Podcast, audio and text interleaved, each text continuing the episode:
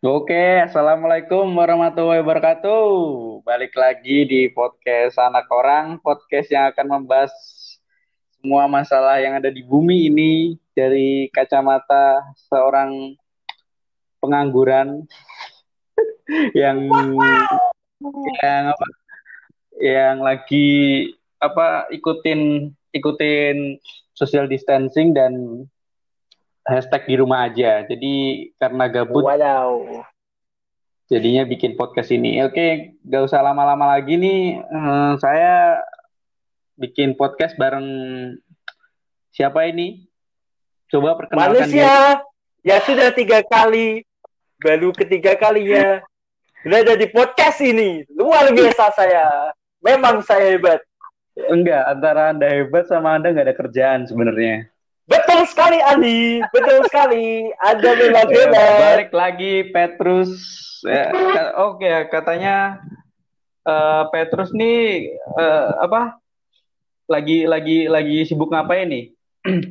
lagi sibuk ngapain nih di di di di hari-hari terakhir eh, bulan April ini ya? Hari-hari sakit kampret. Dikira apa sakit? Hari-hari terakhir di bulan April ini ngapain ini? Oh, eh, saya ini masih berkutat dengan masalah TA dan laporan magang. Setelah Mhm. itu, selebihnya paling ini sih eh, mengurung di dalam kamar, bersembunyi, lalu di bawah selimut. Iya, Ada ada pik- ada kepikiran nggak untuk ikut puasa gitu? Kan bentar lagi Ramadan. oh, saya puasa dong, puasa, Eh, cemilan. ikut puasa ya. Iya dong. Saya cinta damai. Wadaw. Oke, nggak usah lama-lama lagi nih, nih apa eh, mau ngebahas tentang masalah yang sangat amat berat nih, Uh, sangat mm, dibicarain juga nih sama teman-teman Oh. di Twitter, Instagram, bahkan sampai itu apa? Ada semacam apa ya? Ada pro kontra sendiri lah ibaratnya. Wah, Masalahnya masalahnya itu setara dengan masalah pilpres kemarin gitu loh. Wah, konflik negara ini. Konflik Konflik negara. Wah. jadi eh, ada masalah tentang ya kemarin kemarin Walls baru itu dong apa ngerilis es krim yang sebenarnya udah lama dirilis cuman ibaratnya kita ya rilis ulang gitu kan. Bridging, bridging. Pasti ini ya. berat nih, berat, Ya, berat berat pasti. banget ini ya. Yang dibahas pasti. Oh ya kita akan membahas yaitu si es krim itu es krim! Pianata. Gak apa ya. Ada kenapa- tertipu, ada tertipu, Anda tertipu, Anda tertipu. Kenapa ngebahas es krim ini? Karena eh, di di apa? Di Twitter, di timeline Twitter sama di beberapa video YouTube itu banyak banget yang ngebahas. Nah, eh, coba coba coba eh, kita balik lagi ke dulu deh. Siapa sih si Vianeta ini? Nah, dulu Vianeta tuh sempet booming tuh awal tahun 2000-an ya. Ya, kita masih umur tiga tahun lah, Pet ya. Dua tiga tahun ya. Eh, aku kebetulan Kamu- waktu itu udah umur 40 sih, udah ini, udah tua. jadi jadi sempat meninggal dulu ya dulu terus hidup lagi ya ini. Ah, jadi rekanasi ya aku, jadi Thanos. dulu dulu dulu sempat nyobain es krim ini gak put pet Enggak sih, enggak pernah sih. Nggak- aku aja enggak tahu tahu es krim ini apa. kalau aku tuh dulu ya juga pas dulu kan umurku ya masih dua tahunan kayak dulu emang nggak tahu sih ha, se- gimana hype-nya gitu loh. Karena kita emang kan baru brojol gitu ya. Masa ya baru brojol umur dua tahun langsung makan es krim yang semahal itu gitu loh. Dan kalaupun mampu ya ya maksudnya kayaknya kayaknya nggak dibolehin juga kan. Umur umur Hmm. segitu kan butuh susu Diabetes, masa diabetes, ya diabetes. masa ya ti- tiba-tiba kuer we we we es krim es krim es krim gitu kan nggak mungkin ya. Iya, iya. Jadi eh, kenapa dibahas? Karena eh, di beberapa akun juga di Twitter sama di Instagram itu jadi pro kontra. Jadi karena es krim ini apa rilisnya itu ibaratnya ibaratnya tuh dari Walls tuh limited gitu lah. barang limited. Nah, jadi eh, sama kayak masker sih. Barangnya itu limited tapi demandnya itu permintaannya itu banyak. Nah sama nih kayak es krim ini nah kebetulan di Twitter ini orang pada pada lucu-lucu komentarnya tentang stok stok Vianeta ini. Nah yang yang paling apa ya, yang paling di di di retweet banyak orang tuh yang uh, masalah ini. Orang di minimarket udah keliling tiga kali minimarket dan dia mau nyari es krim Vianeta. Nah, pas keliling ke minimarket nomor tiga, sebut saja Alfamiri. Uh. nah, dia menemukan es krim itu dan uh, apa ya? Dan menanya apa menemukan tapi nggak di rak-rak yang atas itu loh yang yang biasanya kan di rak es krim itu ada rak yang bawah sama atas gitu loh yang bawah uh. itu misalkan stok-stok gitu lah dia tuh menemukan di yang bawah jadi eh, harusnya kan kalau dijual kan di atas nah dia menemukan di bawah. Terus eh, dia ngeliat udah ada namanya gitu jadi es krim terus di, dikasih nama gitu di atasnya. Nah dia dia penasaran dong. Terus nanyain e, mas ini gimana? Apa kok kok di bawah? gitu loh. Nah intinya hmm, dia itu mikir kalau si kasir ini ngumpetin gitu loh, ngumpetin stok gitu loh. Hmm. Jadi di bawah bisa kelihatan. Nah, menurutmu gimana tuh? Uh, apa pendapatmu aja tentang kejadian itu? Soalnya kan itu baru-baru kemarin aja gitu loh, dan itu uh, hype-nya itu gede banget ya. Menurutmu gimana? Uh, menurutku ya, ini menjelaskan bahwa hal sekecil es krim saja itu adalah sesuatu hal yang penting bagi kehidupan berbangsa dan bernegara di Indonesia. Sampai pamornya itu kalah sama masker. Iya. dan, Jadi, dan dan lucunya itu ya, dan lucunya itu sampai kayak sepenting itukah es krim gitu bagi ya mungkin ya kita nggak tahu kan mungkin setelah dibuka es krimnya orangnya jadi kaya. Wah tidak mungkin waduh guyonannya guyonannya sampah. Maksud maksudku kenapa gini? Kenapa hal hal ini cuma es krim gitu loh? Dan itu sampai eh. ada pro kontra ya. Ada yang pro sama gini sama si pengupload video itu. Pengupload video itu mikir kayak dia kan berarti customer ya ya ya saya kan mau beli kok diumpetin di bawah gitu loh. Dia sampai gerus-gerus saya sampai kayak ngangkatin yang rak bawahnya rak atasnya itu buat ngambil itu. Jadi dan juga ada yang pro sama kasirnya. Jadi gini hmm. si yang pro sama kasirnya tuh mempertanyakan kenapa pengunjung gerasa kerusuk gitu loh. Ibaratnya kayak kayak punya rumah cuman barangnya tuh kayak digrasak gerusukin gitu loh. Kayak apa gitu, dilihat dilihat sampai ke bawah-bawah gitu loh nah hmm. itu kan jadi jadi pembahasan yang apa ya sangat penting. Nah karena bangsa Indonesia bukan bangsa Indonesia oknum. Saya nyebutnya oknum aja. Saya nggak mau oh. generalisir. Ada oknum beberapa orang yang suka dengan keributan. Jadi jadi ya dia ya saya mau ikut keributan ini. Jadi ya kayak jadi ya gitu. Iya iya iya iya iya, iya. Berantem terus terus uh, apa ibaratnya kayak ngapain gitu loh.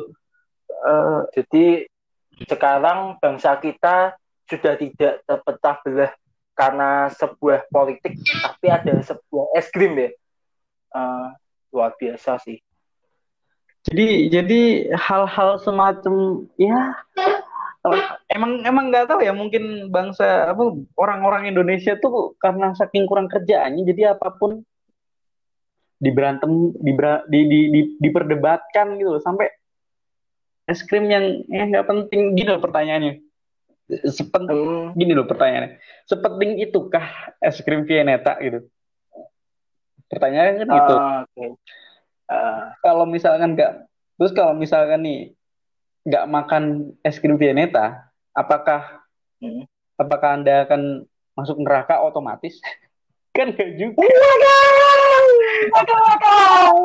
Apakah ketika makan es krim Vianeta itu auto masuk surga? Kan nggak juga gitu loh. Maksudku kayak tunggu. Maksudku ya kenapa gitu loh. masuk kenapa gitu loh. Yang yang yang yang di otakku sekarang kan kayak kayak mana gitu kenapa ya sekarang jadi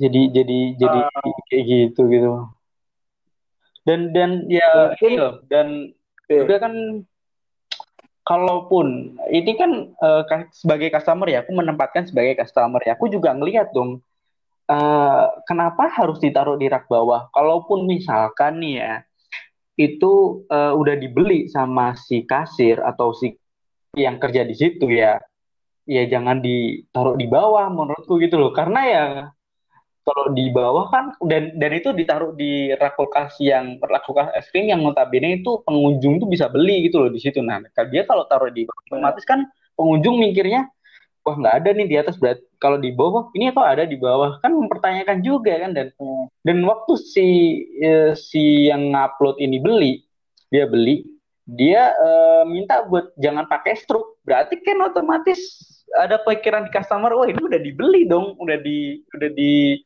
apa udah di, udah di ibaratnya udah dibeli gitu loh dan dan ada struknya gitu loh. Ya nggak? Kal kalaupun hmm, kalaupun misalkan nggak nggak apa nggak ada struknya ya mikirnya kan kayak gitu. Terus juga oh, indikasinya kan berarti struknya udah ada dan si si siapa si kasirnya ini takut buat uh, ibaratnya scan lagi. Nanti kan jadi perhitungannya double hmm. mesin kasir gitu loh. Ya nggak sih? Iya sih benar benar benar cuma gini aku aku habis nemu nih satu artikel. Bagus nih. Jadi aku penasaran kan ini katanya es krim yang mahal kan waktu zaman dulu kan. Nah terus aku coba cari kan di uh, hmm. di beberapa artikel yang udah terpercaya sih karena ini apa dari meme komik.id meme komik jadi kalau meme komik.id yeah. tapi dia ini kalau .id kan otomatis dia udah terpercaya okay, udah gitu, domainnya udah Meskipun, udah udah terpercaya gitu uh, anak IT kan tahu kalau sudah ada kayak gitu berarti niat dia. Terus terus? Ya kan? Terus aku nemuin uh, apa es krim Veneta ini dulunya dia jadi es krim Veneta tuh uh, dulu harganya tuh dirilis uh, pokoknya tahun 99. Hmm. Jadi tahun 99 itu kalau dikalkulasi itu harganya kalau zaman dulu tuh 30 ribu. 30 ribu. Tapi tahun 99. kita tahu dong 98 kita habis krisis moneter, terus? Otomatis habis itu? ya otomatis ekonomi kan juga lagi hancur lah uh. dan lain-lain. Otomatis 30 ribu waktu itu memang mungkin jadi mahal. Jadi mahal banget dan terkenal mahalnya. Terus apa? Jadi uh, ini sampai dia meme komik ini sampai dia memprediksi jika Vieneta dijual sekarang ya harusnya itu sampai 150 sampai 200 ribu. Harusnya. Dia ngitung hmm. dia ngitung yuk sampai sampai inflasinya ini benar nih. Ntar ada linknya lah aku kirim. Dia hmm, jadi dia ngitung bener nih inflasinya. Dan dia bikin artikel ini 20 Maret 2019 Hmm, berarti baru sekarang dijual lima puluh ribu. Berarti emang emang harusnya Wars jual mahal aja ya biar nggak kayak gitu emang. Uh -uh. Tadi kan, ayo, halo. Tadi ya. kan barusan beli nih. Dan di di kotaku di Pekalongan pun yang kukira memang kota kecil ya ya ya kupikir cuman ada di mall-mall gede lah ya di Indo apa mana ada gitu loh. Tadi iseng doang sih cuman ke Indomaret. Niatnya beli saus. Niatnya beli saus.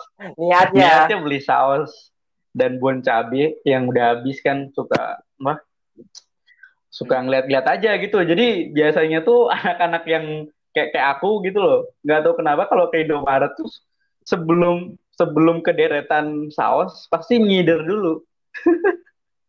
Entah itu ngeliat Iya, ngelihatnya kan biasanya kalau anak-anak kayak aku kayak anak muda, anak kos gitu, kebetulan hmm. abang ngelihatnya kan pasti yang tulisan warna kuning terus disilang gitu harganya. Uh, Lihat yang diskonan dulu kan. Keresahan sekali. Saya tahu keresahan ada. Lihat muter-muter. Nah, habis itu ngelihat di rak es krim. Tiba-tiba ada yang bersinar terang gitu loh di di, di, di mata. Wow, surga! Surga! Surga surga surga. Apa nih kok kok kok apa kok kelihatan apa kotak gede gitu kan di pojok balls gitu. Pikir ya. masa ada Vieneta gitu kan? Udah udah underestimate dulu kan.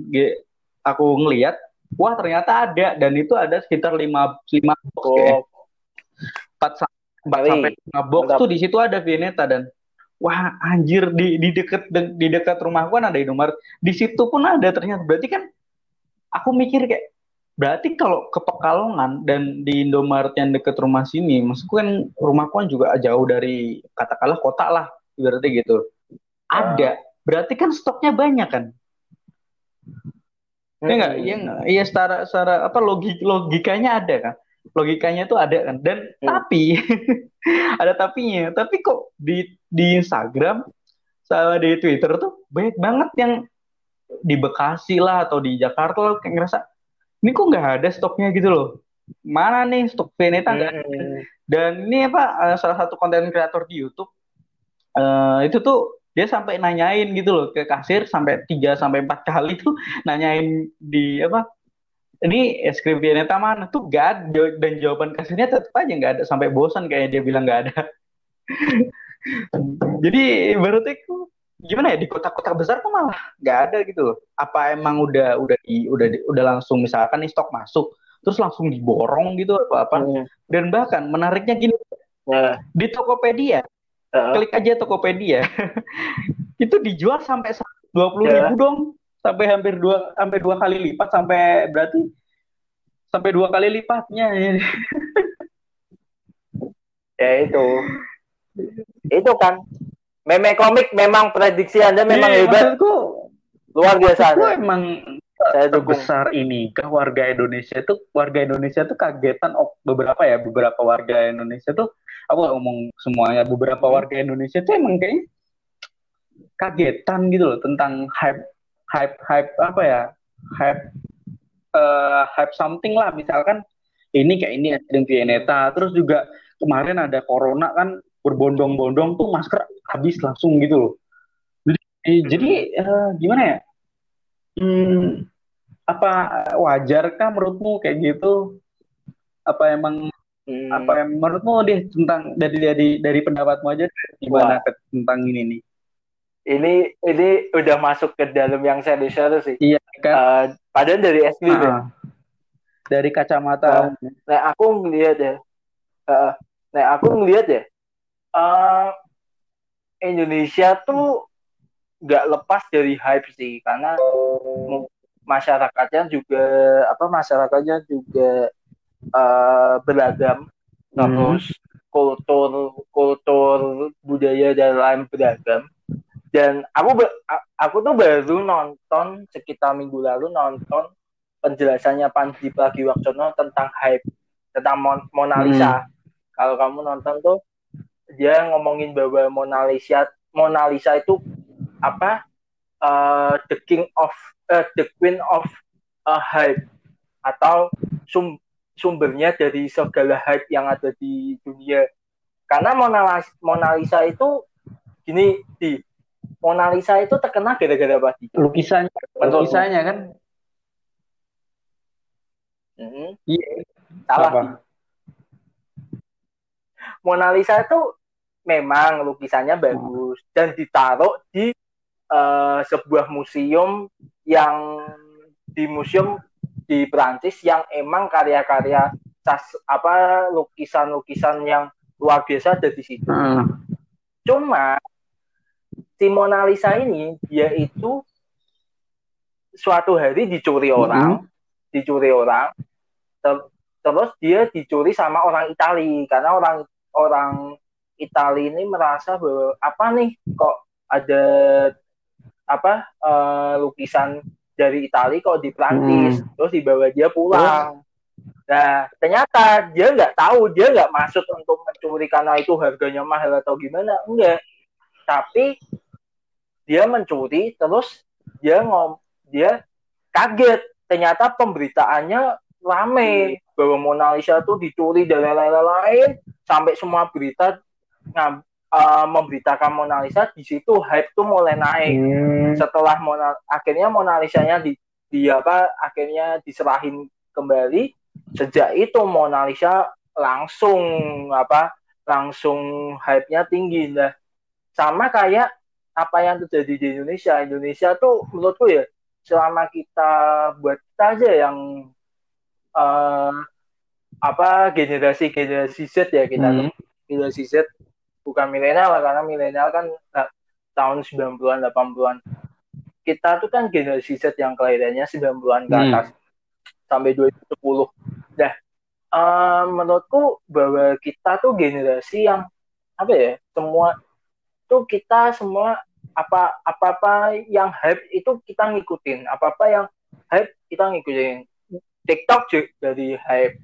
Terus ayam geprek dari hype terus Indomie dulu pernah dengar kan hmm.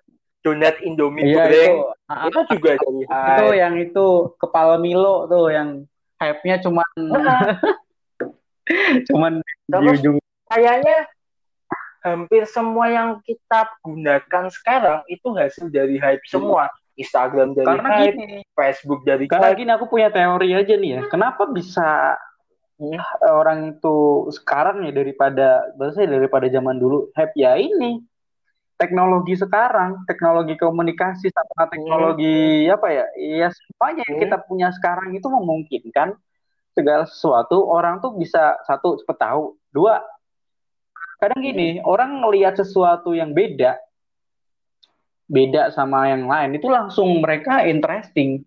Nah, nah sama itu interestingnya tuh ada positif sama sama negatif juga. Ada beberapa orang yang uh, dulu uh, ini ini uh, apa analoginya aja. Dulu TikTok kan belum ada nih.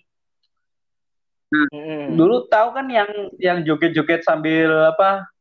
Sambil kayak gitu lip sync misalkan tuh kayak lip sync uh, itu yang dasar kau kayak racun gitu loh yang video Sinta Jadul uh, dulu viral itu kan itu kan maksudku itu itu anak-anak TikTok harus saling sama dia dia yang mempopulerkan dulu dia harus harus saling dulu juga ada tuh yang artis tuh si Marsanda kan yang ketawa-ketawa sambil nyanyi hmm. kan diejek dibeli bahkan di dihina lah di, dicerca istilah ibaratnya kayak gitu. Jadi tapi sekarang itu apa ya yang dia lakuin dulu di, dicaci. Dan sekarang dilakukan dan orang anggapnya normal. Nah, uh -uh. ya kayak yang terjadi sama Bowo ya, kan? dulu Bowo kan, uh, tapi dulu beda dulu tuh banyak yang nggak mempermasalahkan Bowo main TikToknya permasalahan doang. Hmm. Kenapa?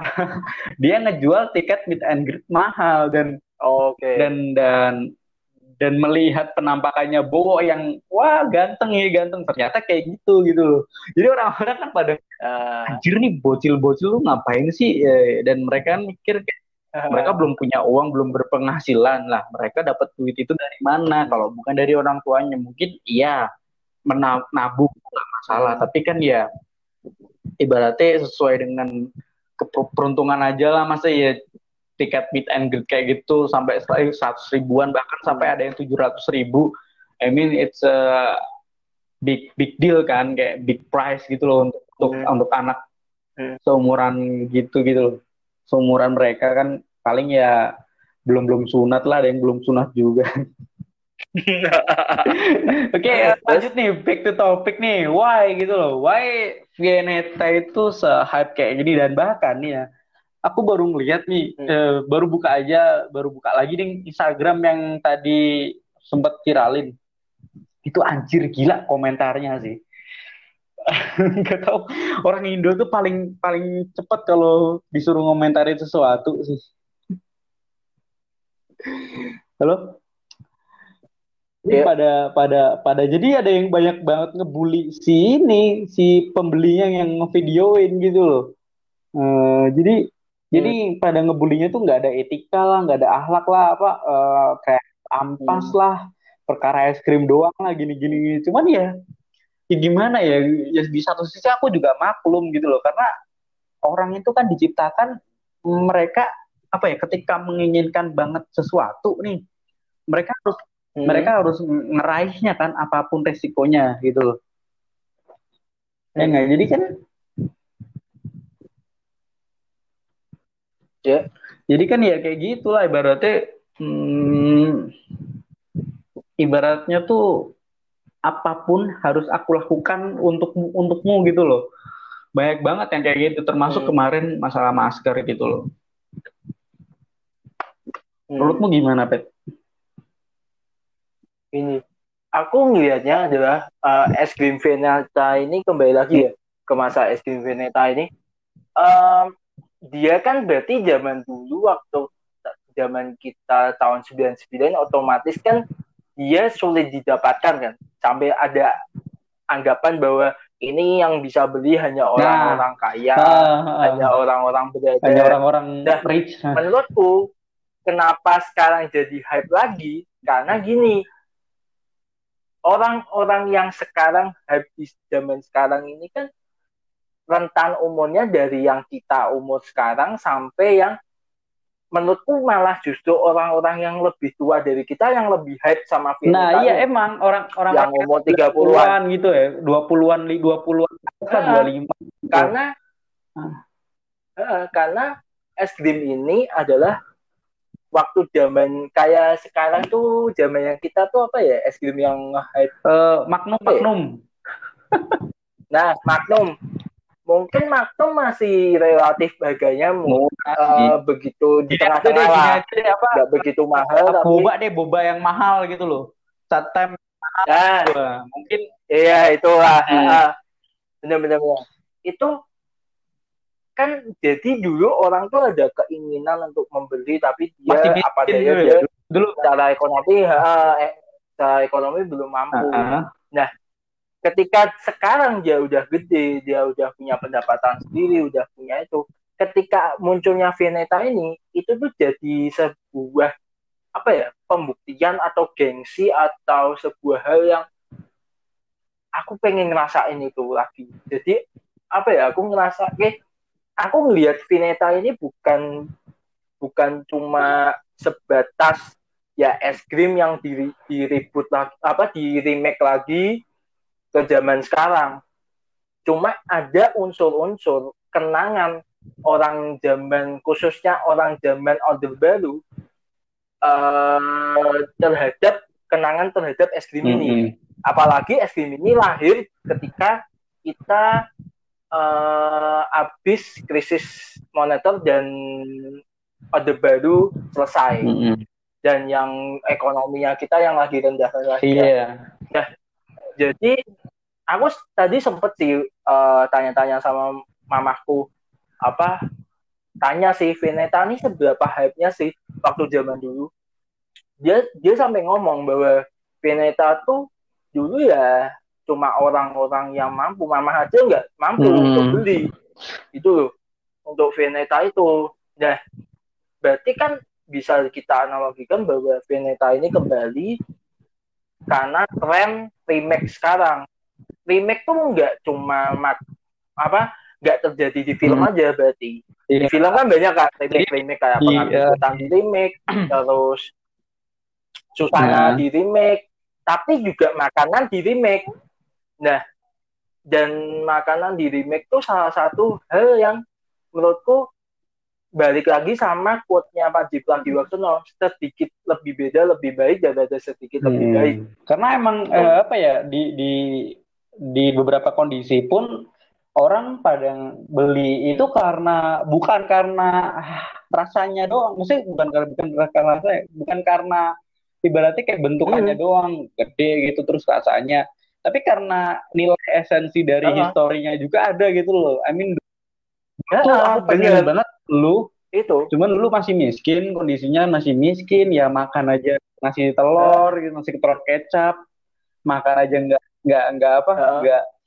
nggak tiga kali sehari tapi mungkin cuma dua kali sehari terus sekarang udah kaya nih udah ya bukan kaya sih udah berpenghasilan udah udah mampu beli berapapun es krim jadi mereka kayak ah dulu dulu kayak kayak gimana balas dendam lah ibaratnya gitu loh balas dendam masa hal yang mungkin dulu pengen banget tapi belum kecapean gitu loh.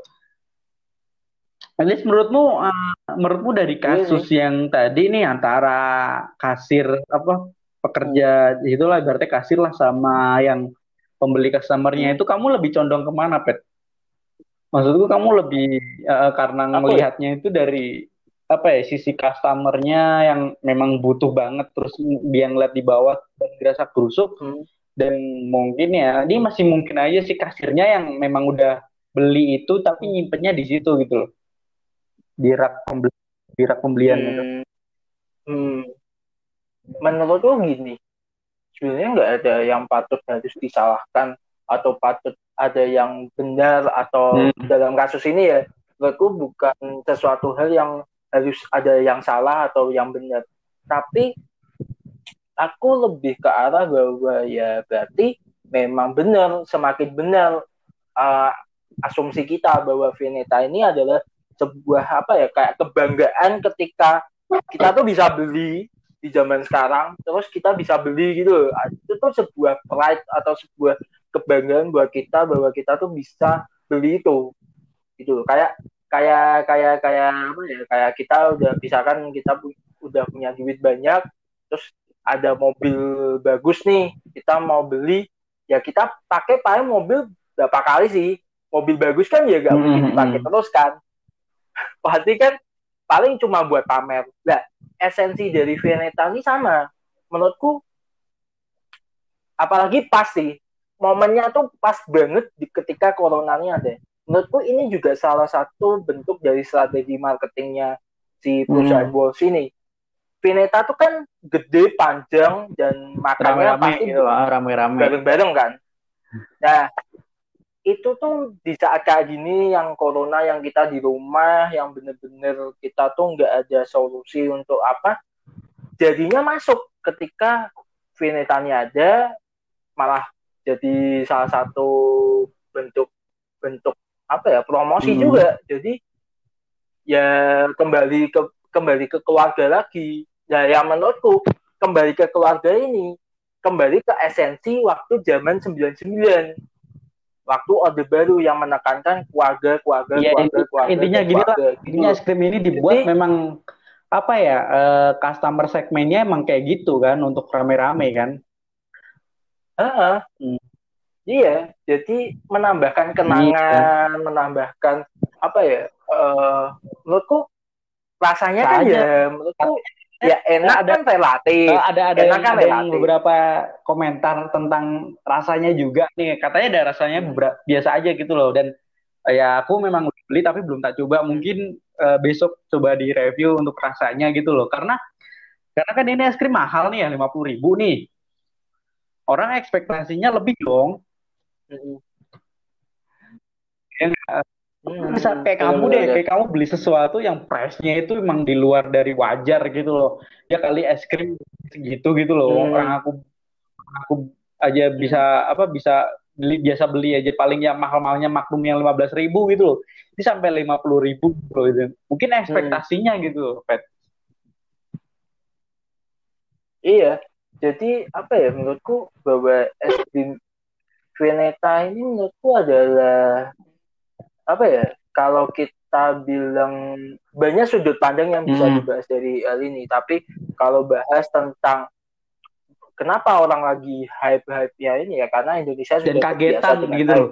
udah dan kagetan udah udah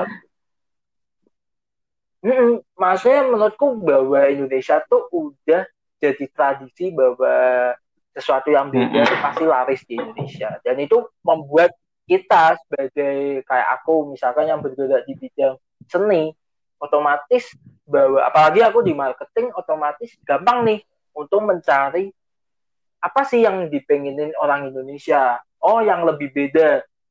Apa apa apa pun yang lebih beda. Lebih enak iya bisa bisa menarik orang. Tapi kalau udah beda itu orang pasti ngantri-ngantri. Kayak itu yang kita bilang hmm. boba drink itu. Dulu juga itu kan boba ya, boba ya. Hype-nya kan kenceng banget. Uh, uh, hype-nya hmm. kan karena boba. Padahal minumannya menurutku ya menurutku minumannya ya kita bisa bikin di mana aja bahan-bahannya bisa bikin apa aja. Tapi karena bobanya itu yang bikin beda gitu ya. Nah itu loh. Boba kan ya jadi dari dari hasil iya. dari hype juga makanya menarik sih Veneta ini bisa dikupas tuntas dan aku barusan nemu artikel ini gokil sih artikel aku barusan nemu artikel dari mojok.co itu dia bahas yang tadi aku ngomongin es krim Veneta dalam kenangan orang miskin Orde Baru. Iya makanya gokil. Oh, enggak, berarti, ini aku baru baca. Berarti dari dan, itu kan semacam ada dendam bener. gitu loh. Iya nggak sih? Iya nggak sih kayak kayak, kayak, kayak kamu ya. misalkan nih dari dulu kan ya aku miskin dulu belum belum bisa beli anda gitu. sekarang aku bisa beli anda banyak apa lima box pun bisa saya beli gitu loh enggak uh, dendam itu pet yang yang ngebawa mereka uh, akhirnya demandnya banyak tapi supply-nya dikit gitu loh. Nah ini menarik sih. Cuman di sini aku hmm. mau nyalahinnya bukan tadi ya balik lagi ke tadi kasir sama customer ya. Aku nggak nyalain mereka berdua. Yang salah satu hmm. Walls ya perusahaan apa? Walls Indonesia. Kenapa anda kenapa anda melimin apa ya istilahnya uh, menyuplai es krim tuh dikit banget. Kenapa nggak banyak toh juga untung pasti uh. kan karena banyak yang beli gitu loh. Kalau kalau dibikin sedikit uh. kan orang-orang jadi berebut gitu loh. I, tapi juga mereka kan mikir juga kalau ada uh. di Tokopedia pun mereka mau beli kan harus pakai Gojek karena itu es krim dan gampang cair kan. Enggak? Uh. Nah, tapi yeah. yang salah di sini uh, aku nggak nyalain mereka berdua yang mungkin si kasirnya juga punya alasan sendiri ya ya karena mereka pengen beli terus mereka uh, ah nanti aja deh sekalian pulang bawa pulang gitu loh nah karena mereka lagi kerja ya jadi ditaruh hmm. di bawah itu logi logi logik masuk di logik gitu hmm. nah sedangkan si customer juga uh, masuk akal karena ya saya mau beli ini saya ngelihat loh ada es krim di situ iya iya saya kan hmm. hak saya kan untuk beli ini gitu loh Nah, jadi sama, sama ada yang ada salah ada benernya. Yang salah cuma satu, perusahaan Walls. Kenapa Anda menciptakan es krim yang memang dulu hype dan dulu kan orang-orang kaya doang dan suka dulu. Masa gimana ya? Kayak memanfaatkan keadaan juga nggak sih? Kayak perusahaannya wah ini limited aja nih dibikin limited biar segmented gitu loh ya. Yang beli uh, segmentasinya ya ada gitu loh. Hmm. cuman nggak semua orang. Padahal Padahal tuh orang-orang emang ini kan dari petisi, es krim ini muncul tuh dari petisi. Jadi orang-orang tuh pada apa ngisi petisi buat es krim ini di rilis rilis lagi gitu loh. Oh. Jadi dari petisi okay, mereka okay. ngisi dan banyak dan okay, okay. dilihat sama pihak Walls, pihak Walls punya ide, ya udah Veneta rilis lagi. Kenapa mereka merilis tuh sedikit li stoknya gitu loh. Jadi kan orang pada orang-orang yang bawah pada uh, ya, sampai iya. berebut gitu loh kan itu aja orang pada hmm. ngantri panjang-panjang ah. mas ngantri apa es krim oke oke oke. Tapi tapi gini sih uh, aku aku bisa bisa dapet sih uh, keresahanmu tentang bos ini. Kalau aku kalau aku sendiri gini ya ini tuh udah direncanain sama maksudnya ini itu adalah rencana jangka panjangnya dari perusahaan Walls terhadap Veneta ini gitu kita mungkin ya nanti Magnum suatu hari pasti akan menghilang di peredaran para es kriman di Indonesia. Tapi nanti ketika kita udah tua hmm. pasti muncul lagi. Itu kayak uh. nah menurut hmm, nah menurutku Wolves juga menurutku gini. Wolves itu sebenarnya menurutku nggak bisa disalahin kenapa kenapa dia kok ngasih limit gini gini gini semakin dia ngasih limit semakin hype-nya makin panjang semakin umurnya makin panjang jadi ketika nih misalkan di ketika Wolves ini kan rame nih si Vineta ini rame sekitar seminggu sekitar dua minggu ke belakang hmm. ini ya kan? Yeah, yeah. Dua minggu terakhir ini. Nah, ketika es krimnya ini mulai dibuka nggak dikasih limit dia sampai minggu paling sebulan mm -hmm. udah habis masanya orang-orang udah ngomongin corona lagi orang-orang udah ngomongin hal-hal lain tapi ketika Vineta ini makin di limit, makin mungkin dia ngasih varian baru atau ngasih limit lagi, hmm. orang kan semakin ngejar, ya kan? Tapi ketika orang ngejar, ya kan? Ketika orang ngejar, ini yang panjang, jadi mungkin nah, sampai dua bulan, tiga bulan. Ini menarik juga, Pet. Masalahnya, uh, ngelihat dari statistik makanan nih ya, makanan yang lagi hype kayak boba atau dulu ada kepal kan ya dulu dulu ada banget tuh es kepal Milo ya ini itu uh, dulu hype banget Milo. nah masalah dari makanan yang hype itu umurnya biasanya nggak lama. Ya nggak? Nah masalahnya itu nah. paling ya sekitar sampai ya paling lama tiga empat bulan lah. Terus juga mereka udah lupa gitu loh sama ya ada es kepal. Es kepal eh, karena dulu kan mungkin kenapa es kepal tuh cuman sekitar 1 sampai dua bulan? Karena memang penjualnya itu tiap hari nambah. Jadi kan mungkin kayak anjir rasanya cuman es batu dikasih Milo gitu loh. Oh, ada bosen. dulu uh, itu berlaku juga sama hmm. Tahiti, berlaku juga sama si boba. Karena semakin banyak yang jual boba. Nah, uh, tapi mungkin mungkin ya aku setuju sama kamu ini nggak berdampak pada es krim Kenapa? Karena es krim suppliernya cuma satu, Walls. Mereka nggak ada orang lain buat jual nah, gitu loh. Jadi nah. kan kayak uh, ketika sumbernya itu satu, pasti kalau dibikin limit dia bisa nah, memonopoli bisa mainin itu, bisa mainin itu. Kamu tadi yang mainin kamu ngomongin itu bisa dimainkan gitu loh.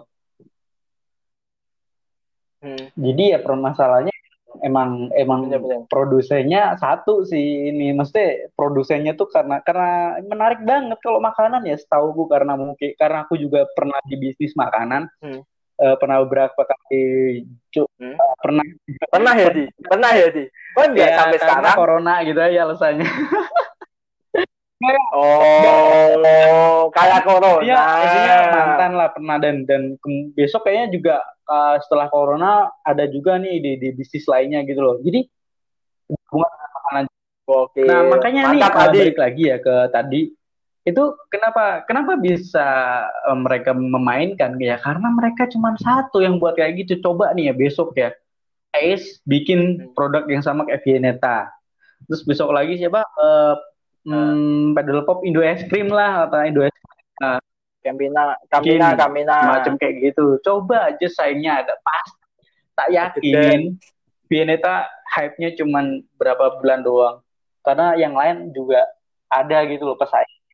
Karena mereka ngeluarin hmm. sendiri gitu loh. Menurutku gimana, Bet? Uh, nek menurutku mm -hmm. ya, nek menurutku yang bisa ngalahin menurutku selama kita dari kecil kayaknya Wolves itu kan yeah. nomor satu ya dia kalau masalah yeah, emang Esteban mm. Wolves nomor satu nomor dua tuh kalau nggak mm. salah kami yeah. nah, waktu kita kecil kan nah. itu kan kejar-kejaran kayak kayak, ya kayak sama ya Maret terus kayak McD uh, sama Yamaha Honda gitu kan cuman cuman kayak segmen gitu nah kayak gitu. menguasai pasar. Nah, terus ada muncul Ice muncul mm. Joyland ya?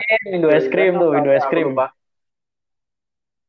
ah terus Indo es krim terus waku waku uh, eh waku uh, lupa ya merek dari Jepang itu kan ya? Ah, pokoknya Jepang jadi Glico. Jaf, Aku ingat jadi Jaf itu ya, Jaf es krim gitu aja lah. Glico wing, Glico wing. Uh, itu. It. Terus uh, apa menurutku yang bisa meng setelah tahun 2011-an itu kan mulai muncul Ice, muncul Joyland, muncul hmm. Glico Wings itu kan karena mereka murah. Oh, iya, tapi emang brengsek sih Ice sih. Ice emang brengsek sih. Uh, es krim yang cup itu ya, yang no. Walls tuh jual 5.500 sekarang yang cup kecil itu loh. Yang warna strawberry coklat. Nah, si es kampret ini jual kemarin avocado coklat yang avocado coklat yang es krim avocado coklat yang di Walls harganya kata berapa ya lupa aku tujuh ribu apa delapan ribu gitu loh dia cuma jual empat ribu lima ratus dan dan mereka ngejual es krim paling murahnya itu dua ribu loh. Bahkan bayang. Di Walls juga ada sih kayaknya kalau nggak salah. Di Walls apa ya? ribu ya? Itu yang uh, di Campina juga. Walls tuh tiga ribu Campina juga ada gula-gula tuh yang harganya itu dua ribu lima ratus atau berapa. Hmm. sama lah tapi hebatnya es produknya itu rata-rata ya di bawah lima ribu. Mereka iya karena segmentasi mereka Iya. Buat orang Dan yang nggak mampu, mampu beli walls gitu loh. buat orang yang pengen es krim tapi nggak mampu beli walls gitu loh. Dan itu kan harganya merakyat uh, banget gitu loh bagi bagi mereka yang mungkin uh, keuangannya menengah ke bawah gitu loh. Mereka masih bisa beli es krim banyak dengan harga yang murah. Nah, uh, menurutku ya mm, memang Yeneta ini kalau dipikir-pikir hype-nya akan kelar ketika ada saingannya ya enggak? Ketika ada tuh kalau ada Iya, tapi kelar gitu. kalau gitu. mm bener-bener. Cuma menurutku gini loh. Veneta ini kan berarti udah dia udah meraih apa ya meraih hati seluruh rakyat Indonesia waktu hmm. tahun 99 kan karena dia udah jadi pusat hype of ya kayak zaman kita lah sekarang boba boba itu kan hampir Suka. semua orang pasti jadi penasaran pengen beli pengen uh, nah biasanya sesuatu hal yang udah klop sama hati gak cuma percintaan itu kalau kembali kalau kembali lagi meskipun hmm. ada yang baru meskipun lebih ya istilahkan kalau ada cewek datang sama kita ada yang baru dan lain tapi ada mantan datang ya, tapi oh, tergantung juga di sini mungkin agak beda. Tapi tergantung juga ketika memang pesaingnya bisa bikin produk yang sama. I mean uh, bukan bukan sama nah. sama sama namanya ya. Maksudnya sama, sama itu sama kayak bentuknya segitu kotak. Terus juga dan nah, tampilannya bener. lebih dari Vianeta. Mungkin harganya lebih lebih apa? Lebih ekonomis tiga puluh dua puluh gitu. Pasti ya tetap aja pet. Tetap tetap hype itu akan akan apa ya lama-lama tuh orang wah lebih murah ya udah yeah, beralih juga. dan dan mungkin juga selesai untuk itu. Tapi untuk orang yang benar-benar pecinta Vianeta sendiri ya mereka bakal rela juga tetap beli Vianeta walau ada yang pesaingnya. Kayaknya emang oh. apa ya, emang hype ini tuh dan orang Indonesia tuh emang kayak tadi yang dibilang kalau ada sesuatu yang beda dikit kaget langsung. Iya sih, karena karena menurutku gini, uh, es krim ini sebenarnya kan kita udah pernah ngalami hype es krim ya, Magnum terhadap dulu. Magnum. Ya kan? Magnum dulu waktu pertama kali itu aku malah ngoyot waktu itu nyari Magnum. Karena iklannya kampret juga sih. iklannya juga iklan iklannya kampret. dia promosi dia kayak menggoda banget kan. gitu loh. Nah, uh. es krim premium dan lain-lain.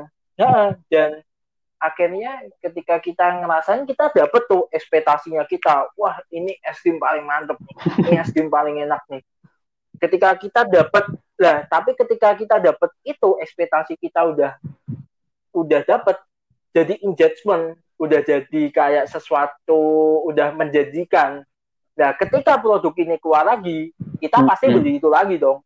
Ya cuma kita pasti ada pertimbangan lain. Pasti harga. Terus ketika harga ketika misalkan ketika rasa udah enak udah apa orang pasti berani bayar harga. Cuma ini Indonesia. Indonesia tuh nggak bisa apa ya menurutku makanya kenapa banyak perusahaan branded yang ada di Semarang yang lagi masuk ke Semarang terus aku ngeliat kan ada beberapa branded inilah uh, toko-toko brand yang yang gede di Jakarta yang orang tuh udah harap-harap pengen masuk ke Semarang. Ketika masuk Semarang ya biasa aja malah justru lebih sepi daripada yang udah ada di Semarang yang udah jadi. Karena yang udah di Semarang yang udah masuk ke Indonesia yang udah jadi apa udah di meraih udah di udah masuk ke Semarang itu udah mendapatkan engagement udah mas udah dapet hatinya orang Semarang nih. Itu loh. Mereka murah mereka bisa di masa misalkan kalau baju berarti mereka bahannya bagus terus dari hmm. desain bagus ya kan orang Indonesia kan yang penting murah enak pasti pasti bisa apalagi Semarang kan susah hmm. kan bisnis makanan itu menurutku aku ngelihat beda aja belum tentu bisa menjual produk ini untuk berapa ya, kalau... berapa tahun kemudian gitu loh. Aku punya temen yang dia uh, dia bikin hmm. bisnis yang memang beda. Gak ada gak ada yang gak ada yang pernah bikin itu. Tapi dia promosinya kurang kenceng, terus uh, harganya juga hmm. gak bisa ditekan sama dia. Jadinya hype-nya cuma jadi setahunan. Ketika ketika orang apalagi di Semarang kan ketika oke okay, penasaran. Awalnya rame kan. Ya kayak toko-toko brand itu kan yang di Semarang kan awal-awalnya sampai nganti-nganti sampai keluar mall. Tapi ketika operasionalnya biasa. Udah udah minggu pertama minggu kedua minggu ketiga masih rame lah. Tapi udah masuk ke bulan ketiga bulan keempat sampai satu tahun udah mulai sepi nggak ada nggak ada pembeli atau ada jadinya hmm. itu sebuah Yaudah, tantangan. Uh, mungkin kalau ngebahas tentang bisnis makanan bakal uh, banyak lagi pembahasan sendiri. Nah itu. Uh, yaudah, uh, yang sudah melakukan. segini aja pet nih episode kali ini nih ngebahas tentang cinta dan Ngeri, Vineta dan filosofinya. Mungkin next time hal-hal menarik Filosofi lagi nih yang lagi viral. Oke, uh, makasih banyak nih waktunya ya, nih. Malam ini berbincang. Hmm. Oke. Okay. Makasih sih. Uh, ya, sekian Mantap. aja nih episode kali ini. Bye, Pet. See you next time. Oke. Okay. Terima kasih ya. Siap. Mantap. ya, siap.